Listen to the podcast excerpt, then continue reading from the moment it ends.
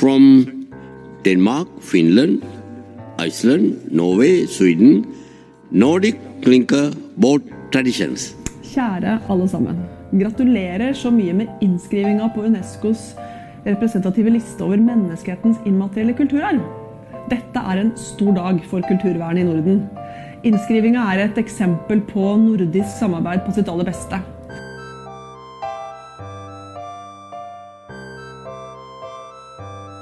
Den 14. desember 2021 ble den nordiske klinkbåttradisjonen tatt opp på Unescos representative liste over menneskehetens immaterielle kulturarv. Du hørte her kulturminister Anette Trettebergstuen sende sine gratulasjoner i forbindelse med innskrivningen, som de nordiske landene hadde jobbet med siden 2014. Endelig var innskrivningen et faktum. In conclusion, the Evolution body recommends the inscription of Nordic Klinkerboat traditions on the representative list. I therefore declare decision16.com 8.b adopted as seen on the screens.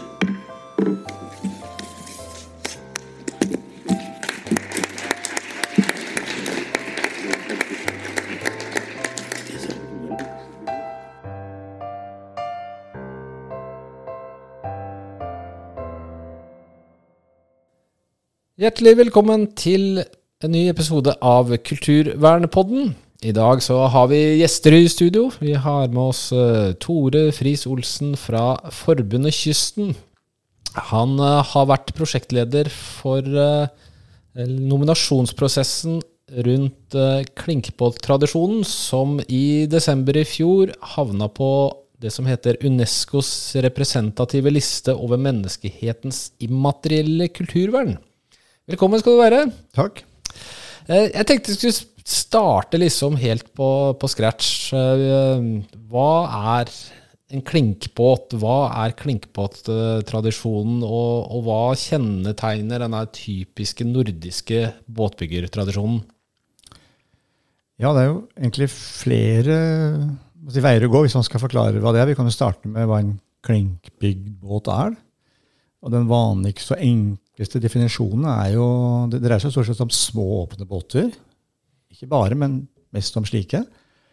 Og så er det da, bygges de på en måte altså Man borer opp båten, man sånn trekker en kjøl, og så, og så kommer bordgangene på plass. Altså plankene, hvis man skal si som ikke folk som er inne i båtverden kaller det.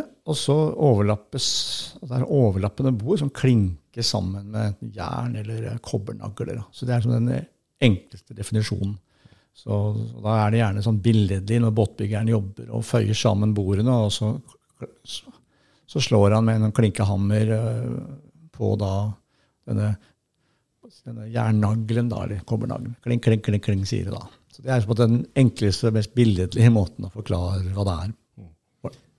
Ja, og det her er jo en eldgammel tradisjon i, i, i Norge og, og, hele Norden som går helt tilbake til vikingtiden.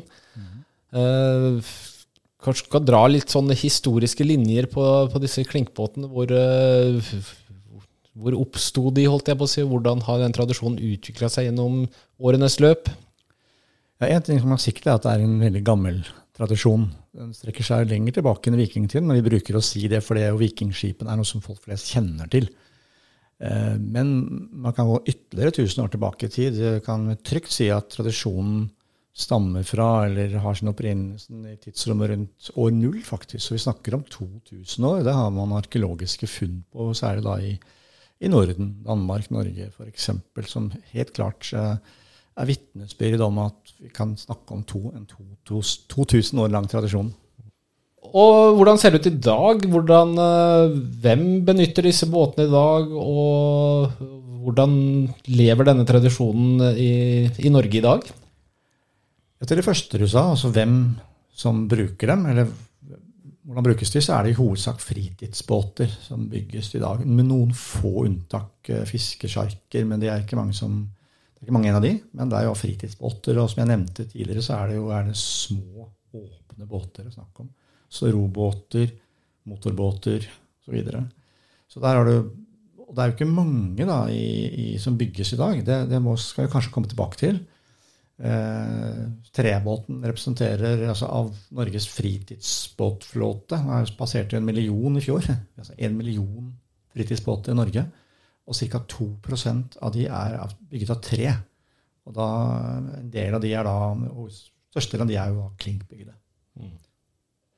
Men hvem, eh, hvem, er det som bygger disse båtene? Hvem, eh, hvem er den uh, si, typiske tradisjonsbåtbyggeren i Norge i dag? De blir jo færre og færre. Og den typiske klinkbåtbyggeren er vel en veldig bevisst person som er bevisst har satser på og ønsker å videreføre tradisjonen. Det er vår erfaring.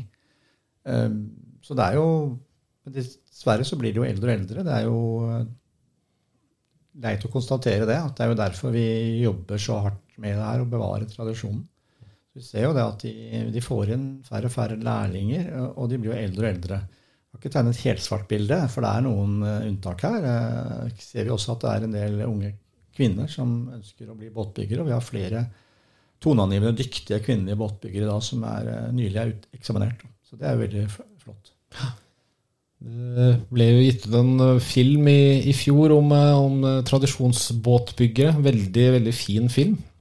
Hvor vi bl.a. får møte en av den gamle generasjonen og en av den nye generasjonen. Men hvor mange, hvis du skulle anslå noe tall, hvor, hvor mange båtbyggere finnes det i, i, Norge i dag som jobber med, med å bygge denne type båt, med klinkbåter? Hvis man skiller litt mellom tradisjonelle båter, eller tradisjonelle byggemetoder og mer trebåtbygging, så, så, er det jo svært få som bygger på den tradisjonelle måten. Uh, båtbyggeren Gunnar Eljarn har, har sagt det slik at han fikk spørsmål for noen år siden fra NRK om hvor mange er dere som kan bygge båter på tradisjonelt vis. Så sier Gunnar at tja, det er vel ikke flere igjen av oss som fikk plass i en campingvogn. Så det er blitt et begrep hos oss campingvognbåtbyggerne. Ja. og da snakker vi kanskje om en mellom 10 og 20 stykker. 20 personer. Så er det en del flere da, som, som har tatt fagbrevsutdanning innenfor trebåtbyggerfaget. Det er det jo. Så vi har ikke noe eksakt tall, men uh, hvis vi sier et sted mellom 50 og 100 uh, eh, Men mange av de uh, praktiserer ikke. De er kanskje utlært, har tatt fagbrev, men de jobber med husbygging og annet fordi det er ikke noe å bli du tjener ikke mye penger på det. Så det er jo et, et fellestrekk som går igjen, ikke bare i forhold til båtbygging, men også de andre tradisjonelle håndverksfagene. At det er få utøvere, og det er vanskelig å leve av det. Mm. Så vi er ikke mange som praktiserer. Det er det ikke. Nei, så det, Man kan jo på mange måter si at det er en, det er en trua kunnskap. Den, den, kan dø ut om man ikke tar noen grep. Absolutt, det er det. Og det er vel kanskje grunnen til at uh, dere for noen år siden starta prosessen med å få Eh, eh, skrevet inn eh, eller klinkbåttradisjonen på, på Unesco-lista. Du har vært med helt fra starten, stemmer det? Det stemmer. Ja. Kan du ikke fortelle litt om den prosessen som førte fram til at klinkbåttradisjonen ble innskrevet på Unesco-lista i fjor? Ja, Det er jo som vi snakket om, at utgangspunktet var jo nettopp det at vi ser at det er færre og færre som kan bygge tradisjonelle båter. Så Det var utgangspunktet. Så vi har lett etter eh, virkemidler og, og, eh, programmer og satsinger som kan snu den utviklingen. Og etter at Norge ratifiserte Unescos konvensjon om vern av den immaterielle kulturarven i 2007, så så vi her en åpning, en mulighet. Fordi den konvensjonen, akkurat som verdensarvlisten, eller verdensarvkonvensjonen, har også en listemekanisme. Altså de har tre ulike listeføringer som er et ledd i å sette fokus på den immaterielle kulturarven. Og der så vi en, en, Her er det kanskje en mulighet. Eh, og jeg, den ideen kom her helt tilbake til 2008, faktisk. Så det er lenge siden vi lanserte og brakte den frem som en idé. Fra idé så ble det en realitet. altså Arbeidet startet opp formelt i 2015 med å forberede en nominasjon vi fant uh, fort ut at vi ville tenke videre enn bare båtbyggerkunsten, altså båtbyggerhåndverket. Vi ville også trekke inn brukskunnskapen, for det hører jo sammen. bruke, Kunnskapen om å bruke båtene, roing, seiling, eller kunnskapskomplekset, man kan kalle det det. da, Som består av både brukerne, altså kundene, for å bruke et moderne begrep, og båtbyggerne. Det inkluderte vi i, i eh, nominasjonen eller arbeidet. Vi sa det, må, det er viktig. Det er det ene. Det andre er det at vi tenkte først norsk, men så tenkte vi nordisk også. Fordi man kan si at det er en slags, en slags grunnbåt, da, noen sånne fellestrekk i den nordiske klinkbåttradisjonen, altså de nordiske landene. Det er ganske så mye felles at vi kan godt snakke om en nordisk båttype. Så ganske snart så fant vi ut at ja, vi må jobbe nordisk. For vi hadde allerede et samarbeid som heter Nordisk kystkultur, hvor vi har et nettverk av kystlag og museer og tradisjonelle båtbyggere osv. Som, som jobbet sammen. Så vi hadde allerede et nettverk. Vi hadde måtte, en struktur, og den brukte vi. Og, vi, og Forbundet Kysten tok på seg da prosjektlederansvaret. Har koordinert prosessen, men det har vært godt forankret i samtlige nordiske land. Mm. Så det var liksom bakgrunnen for at vi dro i gang prosessen og så det her som et, et av flere viktige virkemidler for å kunne si, redde denne kulturarven. And we'll roll the old chariot along. We'll roll the old chariot along. We'll roll the old chariot along. And we all hang on behind. Og i desember i fjor, da var det et faktum. Da ble den, eh, ble den skrevet inn. Men du sa noe om uh, brukerne. Dere representerer jo på en måte brukerne i, i Forbundet Kysten. Dere er vel eh, den organisasjonen som, eh, som tar vare på kystkulturen i, Norge. Eh, representerer kystlagene. Vi hørte at du sa at det var, det var, ikke så mange båtbyggere, men det er vel mange brukere av disse, disse klinkbåtene som eh, rundt omkring i de forskjellige kystlagene?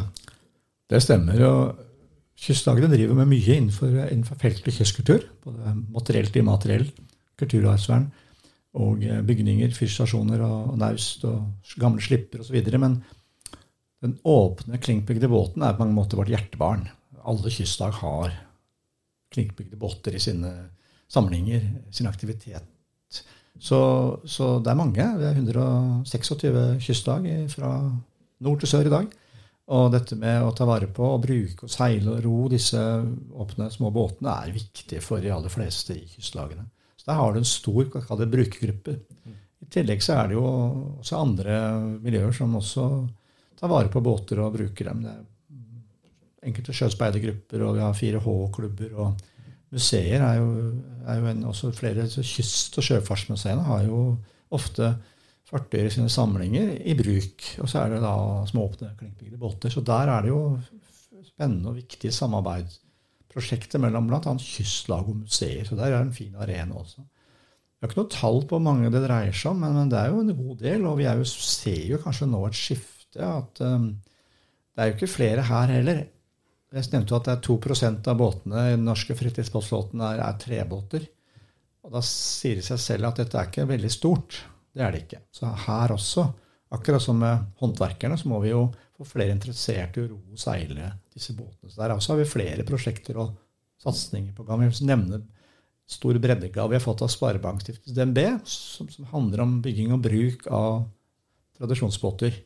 Hvor nettopp dette med bruken er veldig viktig, med fokus på barn og unge. Så her har vi en kjempesterk satsing, hvor vi har fått støtte fra flere hold. Ja, for det har jo dere vært flinke på i flere år, å henvende dere til, til, barn og unge uh, med, med, denne kunnskapen her, og, den, og, for å vekke den nysgjerrigheten for, for disse båtene og hvordan man, man, bruker de. Merker dere noe forskjell i interessen rundt uh, disse båtene nå etter at den ble skrevet inn på, på Unesco-listen? Definitivt. Det har vært veldig mye. Vi har hatt stor pågang av alt fra journalister som vil vite mer og skrive om emnet til enkeltpersoner som spør hvor kan jeg få kjøpt en klinkbygd båt. Og så har det vært en merkbar endring eh, i interessen fra si, folk flest også. Det merker vi. Så, og den er såpass merkbar at vi har ikke noe tall på det. Men derfor så vil vi nå se litt mer systematisk på hva er det skjer nå. Er det, er det en endring? Er det flere som bruker båten? Er det flere bestillinger til båtbyggerne osv.? Så, videre, og så, videre. så her, må, her skal vi dykke ned i materien og se om det er noe på gang her. Mm. For det tror vi det er. Ja. Og båtbyggerne de vil eh, forhåpentligvis gå bedre dager i møte. da Etterspørselen blir kanskje litt, eh, litt større etter disse båtene også nå? Det må jo være en av de første prioriteringene. Det er jo nettopp at markedet altså Markedet er viktig for båtbyggerne. Uten et marked, uten at vi har kjøpere, så vil jo tradisjonen definitivt dø ut. Men der har vi jo jeg nevnte, prosjekter på gang hvor det er, det er jo dyrt å kjøpe en, en, en klinkbygd robot, f.eks. Det koster jo penger. Så for sjøspeidergrupper og kystlag så er det mye penger. Og der kommer disse, annet disse pengene fra Sparebankstiftelsen godt med. For de er jo øremerket til miljøer som normalt ellers ikke ville ha råd til å kjøpe en slik båt. Eh, så klart, her må det være en kombinasjon av markedet, og så må vi ha støtteordninger av ulike slag, slik at en får en sum av det skal være et godt bidrag til å kunne snu uh, trenden. Mm. Ja, nå som uh, Klinkpå-tradisjonen da er skrevet inn på, på Unesco-listen, hvordan uh, skal dere i Forbundet Kysten uh, jobbe framover for å, for å heve statusen på, på Klinkbåt-tradisjonen, og ikke minst, hvem er det dere skal samarbeide med? Ja, vi satser jo nå stort. Uh, det er nå det begynner, kan man godt si. Ikke, vi, viktige delmål var jo basert da vi fikk innskrevet uh, dette på listen. Uh, og da er det ikke slutt. Det er mange som tenker at nå er, er vi i mål, men det er nå det begynner. Iallfall et nytt kapittel. Viktig kapittel begynner nå. Oppfølging av innskrivingen. Der samarbeider vi jo med flere forbund. Kysten vil fortsatt koordinere uh, denne virksomheten, dette arbeidet. Men vi har mange med oss, ikke minst det nordiske landskapet. altså Alle organisasjonene og miljøene som er med fra nordisk side. I og med at det er en nordisk nominasjon, innskriving, så skal mye arbeid også foregå på nordisk nivå. Så er det jo i Norge, da, så samarbeider vi jo med flere. Både på altså håndverkssiden, der er det jo båtbyggerne selv, det er museer, som jeg nevnte. Det er eksempelvis Universitetet i Tromsø, som jobber med en uh, utdanning uh, innenfor tradisjonsbåtbygging. Uh, så her, har vi stukket hodene sammen. Vi skal nå sammen følge opp inskripsjonen eller innskrivingen. Eh, har opprettet en tankesmi, og vi skal ha seminarer og kurs og møter og, og, skal jobbe på flere plan. Viktig å si er at eh, når altså både konvensjonen om vern av immateriell kulturarven og innskrivinger på disse listene, det er det jo statene som gjør. Det er jo Kulturdepartementet i Norge som har koordinert uh, selve slutt... Når det her ble sendt inn til Unesco i Paris, så var det jo Kulturdepartementet sammen med de nordiske kulturdepartementene som nominerte. Og I konvensjonen går det klart frem at det er staten som har ansvar, sammen med miljøene som, som viderefører og jobber med tradisjon. Så dette, her er det snakk om et gedigent samarbeid å bygge nettverk både med offentlige instanser, Norsk kulturråd er viktig her, fylkeskommunene, museene, frivillige, altså NGO-ene. Så der har vi gjort en del i, i eh, år, hvor vi da kanskje snakker mer om å konsolidere samarbeidet og finne de ulike veiene vi må gå. Og dette er langsiktig arbeid, men også alle vi tenker langsiktig. Norge skal jo rapportere på et eller annet tidspunkt. Det er vel hvert sjette år så skal jo Norge rapportere på hvordan de jobber med konvensjonen. Bl.a. innskrivinger. Så det blir jo spennende. Så det naturlige vil være å lage en strategi og en verneplan. Vi snakker om å lage en verneplan som da skal eh, vektes og måles av Unesco i Paris eh, om fem-seks år. Eh, riset bak speilet er jo det hvis ikke statene følger opp, så kan jo elementer, vi vil kalle det kulturelementer som er ført inn på listen, trekkes ut. Det har jo skjedd flere ganger, bl.a. på verdensarvlisten, hvor da f.eks. Liverpool mistet sin verdensarvstatus fordi de har ikke forvaltet dette godt nok. Så vi tenker nå Vi, vi roper ikke på staten, vi, vi, roper på oss selv, og vi roper på våre samarbeidspartnere. Og staten har en rolle her, og, og vi jobber veldig godt sammen, syns vi. Så det er det det handler om. Vi tenker samarbeid, tenker nettverk. Ikke tette oss på stolen og, og, be de andre ordne opp, men her skal vi jo sammen jobbe for å, for å følge opp dette. Mm. Ja, for det er jo ikke noen tvil om at uh, fagekspertisen den sitter jo hos dere i Forbundet Kysten og hos uh, kystlagene. Men som du sier, staten har jo et, eh, et, et stort uh, ansvar her. følger det med noe penger på, etter at det nå har havna på denne lista? Nei, det er ikke sånn direkte. Det er ikke noen budsjettposter. Vi jobber jo med å få opprettet budsjettposter for immateriell kulturarv vi jobber jo tett sammen i andre organisasjoner i Norge som jobber med å verne immaterielle kulturarven. Så det er en, en sak vi jobber med. Eh, det følger ikke noe penger med fra Nesco, side. Nesco har et stort fond. Norge er jo en stor bidragsskytter til et fond, men det går mer til landene i sør. Land som har problemer med, å, med nettopp finansiering og støtte opp under deres, deres kulturarv. Da. Og det syns vi er veldig bra. Eh, Norge har, har, god nok råd til å, til å skjøtte dette selv, sånn budsjettmessig. Eh, men det er en del andre land som ikke har. Det må vi støtte helhjertet opp om. Men vi har, altså det er jo allerede støtteordninger per i dag. Vi har jo både ekstra tilskudd til, til verneverdig håndverksfag. eller håndverksfag. Så, så, og Der jobber vi med fra eksempel her å styrke slike støtteordninger, slik at båtbyggere kan brystes opp og være, faktisk være i stand til å ta inn lærlinger, f.eks. Det er et konkret punkt som vi bare må jobbe med. fordi eh, som jeg nevnte, er, de, tjener ikke godt, disse båtbyggerne våre. Og hvis de i tillegg skal uh, ta seg av lærlinger, uh, som de jo da egentlig er interessert i å gjøre, men da må det føles større eller bedre støtteordninger rundt det, slik at de lærlingen kan få en anstendig lærlingelønn, og båtbyggerne blir i stand til å kunne ta det ansvaret som det, som det, som det medfører å ha en lærling.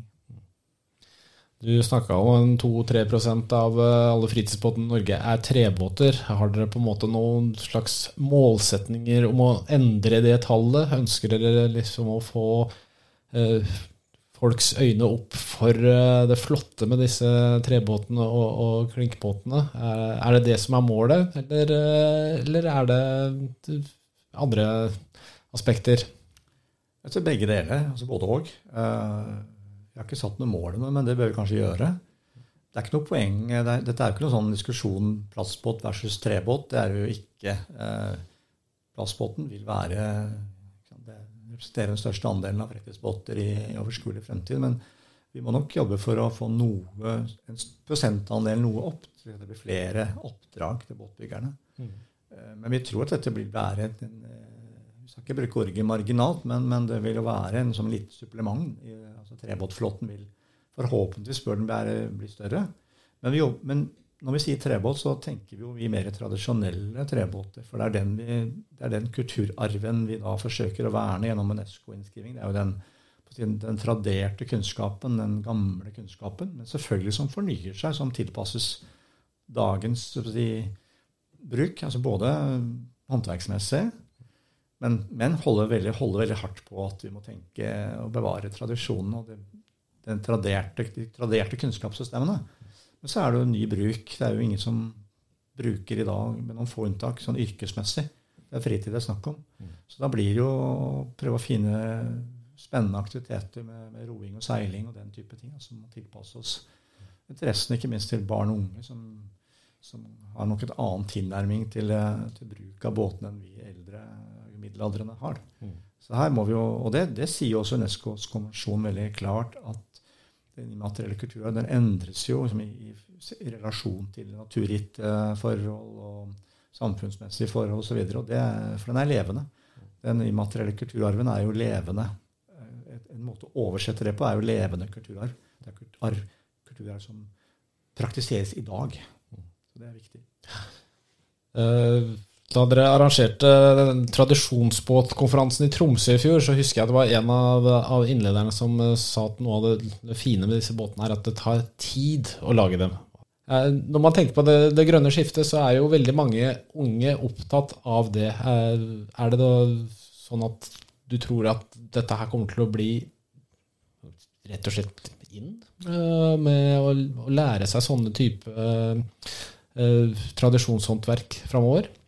Definitivt. Eh, vi mener at vi ser det allerede. Og vi har selv brukt de samme ordene som du spør om her. Det grønne skiftet. Det er noe nytt som skjer. Og der igjen da nevnte jeg tidligere at vi må gjøre noen undersøkelser og se hva er det noe som skjer nå. Det tror vi det er. Vi ser jo at det er eh, både med hensyn til um, altså folk som ønsker å, å, lære seg å bygge båter og bruke båter, så ser vi at, at ikke minst bruken, så er det, blir, blir, er det en økt interesse. Og det, er, og det er som du sier, det er unge voksne som er opptatt av grønne skifter, som er opptatt av klima, som er opptatt av liksom, ekthet. Du nevnte langsomhet, langsom læring. altså det, det går fort. Det, går, eh, det er et stresset samfunn vi lever i. altså Det er at det representerer helt andre verdier. Så jeg tror det er kanskje noe av det, det, viktigste si, segmentet av folk som man det retter imot. Men eh, her ser vi at de, de, henvender seg jo til oss, uavhengig av at vi retter imot noen. Så det er jo veldig spennende. Eh, du nevner også at Forbundet Kysten, som, så mange andre, har implementert bærekraftstrategien til deler av den, store deler av den i vår virksomhet. Så er, her er veldig viktig. Det er, eh, det, I UNESCO-innskrivingen så er jo dette med, med bærekraftig utvikling helt essensielt. Det er liksom som Siden av menneskerettighetene så er dette med kulturelt mangfold og bærekraftig utvikling som de tre søylene, som skal bruke et sånt uttrykk. Og det skal vi følge, vi også, i Forbundet Kysten og, og, og, sammen med våre samarbeidspartnere. Så dette er kjempespennende. Jeg, tror virkelig på at det, her, det grønne skiftet, klimaopptatthet av, av, å få redusert klimagassutslippene og, og snu deler av den utviklingen, eh, er på vei opp nå. Mm. Hvordan eh, står det til i de andre nordiske landene? Er det, det her er jo en eh, nordisk klinkbåttradisjon som er havna på Unesco-lista. Eh, hvordan er disse miljøene, hvordan står det til i Danmark, Sverige, Island i forhold til Norge? Er det de samme type utfordringene som finnes der, eller er det forskjell mellom de nordiske landene også? Ja, både òg. Det er veldig mye felles. De som engasjerer seg i det, er, er mye til felles med kystlagene og i forbundet Kysten. Det er liksom en, så der er det mye felles uh, utfordringer og, og, felles ting som skjer og skjer. Så er det da ulikheter er der også. Det er det. Uh, tradisjonen står nok sterkere i Norge enn f.eks. Sverige. Det er jo interessant. Sverige har dobbelt så mange innbyggere, men har mellom færre Igjen har vi ikke noe tall, men, men, det sier jo selv i Sverige at det er færre båtbyggere og færre foreninger og, og miljøer som tar vare på dem. En viktig forening i Sverige heter Foreningen Allmogebåter. De er veldig aktive. De har vi, nært, har vi alltid hatt nært samarbeid med. Uh, så, så, med den traderte kunnskapen, den mer dype, traderte, altså den, den, som følger tradisjonene, der er det også forskjeller. Svenskene bruker ofte, de ser over til Norge og er veldig sånn opptatt av de norske båtbyggermiljøene. fordi de bygger som uten ritninger og maler. som, som sier. Altså de, I Sverige så er det, bygger de mer sånn moderne. At de har arbeidstegninger og, og maler setter spanten i, som er maler. og der måtte det mye gitt. Mens i, i Norge så bygger de som uten. Her, her er båtbyggeren har jo tegningen eller kunnskapen, bedre å si, i hodet. Så, så, og Det gjelder jo også Færøyene. Så Færøyene og Norge skiller seg litt ut, synes vi, eh, i at de i større grad fins båtbyggere som ivaretar den, den, gamle, tradisjonelle byggemetoden bygge, og tenkningen rundt båt. Og i noen grad i Danmark eh, og Finland. Det er liksom litt mer blanda der. Så vi skiller oss nok noe ut i Norge, og det sier også våre nordiske samarbeidspartnere. Sånn. Det, er det er litt sånn look to Norway, da. Ja, og noe av målet må jo kanskje også være å beholde interessen for dette faget oppe. For uh, tilbake til den konferansen som, uh, som uh, vi var på i, i fjor høst oppe i Tromsø, så husker jeg en av innlederne sa at den den kunnskapen han uh, hadde om Han hadde vel holdt på med dette her i 30-40 år. Det, det, det han lært seg. Det tok sikkert 20 år å lære seg det. Fordi det er noe som sitter i hendene. Det er ikke noe man, man leser i en bok. Sånn at det å utdanne gode båtbyggere, det, det, er ikke noe man kan gjøre ved et uh, to års studium på en høyskole eller noe sånt. Definitivt ikke. Det er, dette er også noe vi hører ofte, ja. Den, både langsomme læringsprosessen, og det tar tid. Og, og ofte hører vi båtbyggere at det blir aldri utlært. Vi lærer alltid noe nytt. Det er alltid nye utfordringer og eh, problemstillinger vi står overfor. Og det sier de at det gjør det nettopp håndverket til det, dette trebåtbyggerhåndverket til et spennende fag. Og det tror jeg nok å løfte fram det, uh, på tross av at vi lever i et ja, hurtig akselererende samfunn. Så tror jeg nok at det, tilbake til med grønne skiftet, så vil nok det appellere til en del, tror jeg også. Så um, man snakker jo gjerne om 10-20 år ja, for å bli en skikkelig erfaren båtbygger. Da kan vi jo konkludere med at fremtiden ser egentlig ganske lys ut for den uh, norske klinkbåttradisjonen. Ja, det er, jeg slutter meg til det. Det tror jeg. Så vi har uh, merker at det er mye optimisme for tiden. Vi lever jo i en veldig vanskelig og urolig tid med mye negativt som skjer, dessverre, med krigen i Ukraina og energikrise og ja, kanskje økonomiske vanskeligheter òg. Um, så det er, det er, mørke skyer på denne siden, men, men, akkurat på det feltet her så, så ser vi at uh, vi syns det er i ferd med å snu en del, og der er vi optimister. Det blir veld, veldig spennende å, å følge med framover. Da sier vi tusen takk til deg, Tore Friis Olsen fra Forbundet i Kysten. Selv takk.